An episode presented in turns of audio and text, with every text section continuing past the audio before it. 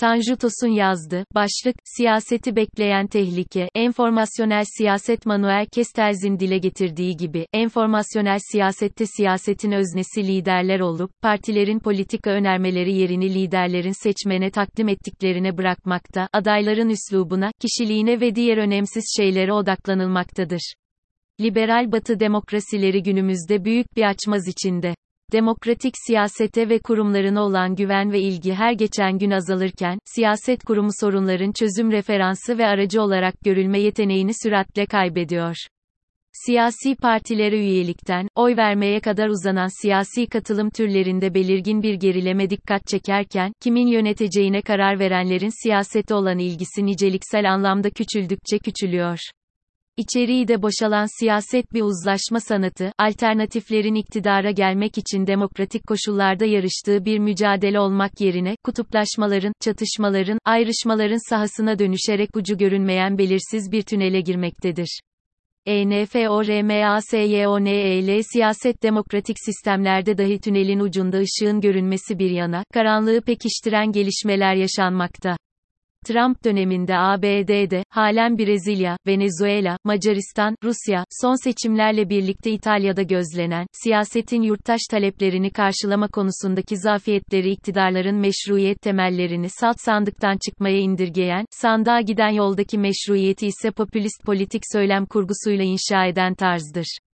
Bu anlamda söylem popülist siyasetin en önemli unsurlarından biri olup, popülist söylemin unsurlarını oluşturan konular, aslında popülist olmayan, non-popülist unsurlardır. Önemli olan kısım, bu unsurların seçmene ne şekilde aktarıldığıdır. Ayrıca, biz ve onlar ikiliğinin yaratılmasında medyada oldukça önemli bir aktördür ve sosyal medyanın varlığında bireylerin dönüştüğü üre tüketicilik, prosumer, yani içeriği hem üreten hem de tüketen olma durumu, bir bilişimsel propaganda yöntemi haline gelerek, grup etkisinin ve sosyal çevrenin seçmen kararlarındaki etkisinde ciddi bir artış yaratmaktadır. 1. Günümüz bilgi toplumunda enformasyon sadece yurttaşlar arasında bilginin dolaşımını değil, tüm süreçleri etkilemektedir. Manuel Castells'in dile getirdiği kapitalist sistemin para ve mal akışıyla gerçekleşen ilerleyişi değişik enformatik bir nitelik kazandığı, enformasyonel kapitalizm çağında yükselen, enformasyonel siyasettir. 2. Enformasyonel siyasette siyasetin öznesi liderler olup, partilerin politika önermeleri yerini liderlerin seçmene takdim ettiklerine bırakmakta, mevcut siyasi sistemin dehası, reklamların ve medyanın, meseleler üzerinde, değil, adayların üslubuna, kişiliğine ve diğer önemsiz şeylere odaklanarak, politikayı önemsiz bir konu haline getirmesinde yatmakta, siyasi partiler, adaylar için pazarlama sistemlerine dönüşmekte, dir 3. Sonuçta liderler gündemi her koşulda belirleyip, yönlendirebilmenin kolaylığını popülist söylem ve politikalarla elde etmektedirler. 4. Burada asıl misyon ise medya eliyle yürütülür. Nitekim Kestels'e göre, medya uzamında sembol manipülasyonu tarafından başlatılan enformasyonel siyasetle, stratejik oyunlar, ısmarlama temsil ve kişiselleştirilmiş liderlik, sanayi çağında siyasetin başlıca nitelikleri olan sınıf temsili, ideolojik seferberlik ve parti kontrolünün yerine geçmiştir. 5.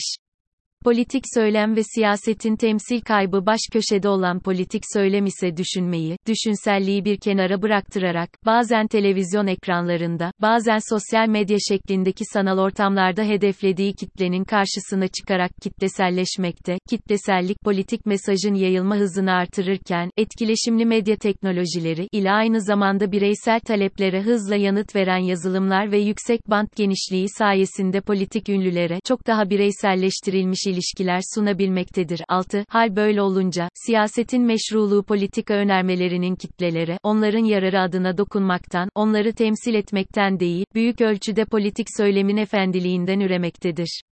Bunun siyaset açısından en önemli tehlikesi siyasetin toplumla kurduğu bağın sosyolojik, politik, ekonomik temsiller üzerinden değil, enformasyonel siyaseti üreten politik sembollere dayalı olması, bunun da sanal, yapay bir niteliğe sahip olmasıdır riski, enformasyonu elinde tutanın, ona hakim olanın siyasetin her alanına hakim olmasına aracılık etmesidir. Dezenformasyon yasasını, demokratik siyasette yol açacağı tahribatı bir de bu açıdan düşünmek gerekir.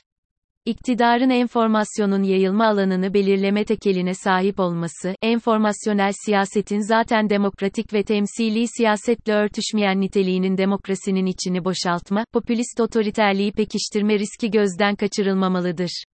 Kurumsallaşmış demokrasilerde asıl olan, konusu objektif kriterlere göre suç teşkil etmeyen bilgiye erişim hakkının eşitlikçi koşullarda olması gerektiği ise, siyasetin gündemi hem objektif, doğru bilgiye ulaşmanın önündeki engellerin kaldırılması için siyaset üretmek, hem de enformasyonel siyaset marifetiyle temsil ve meşruiyet arayışı peşinde koşmamak olmalıdır.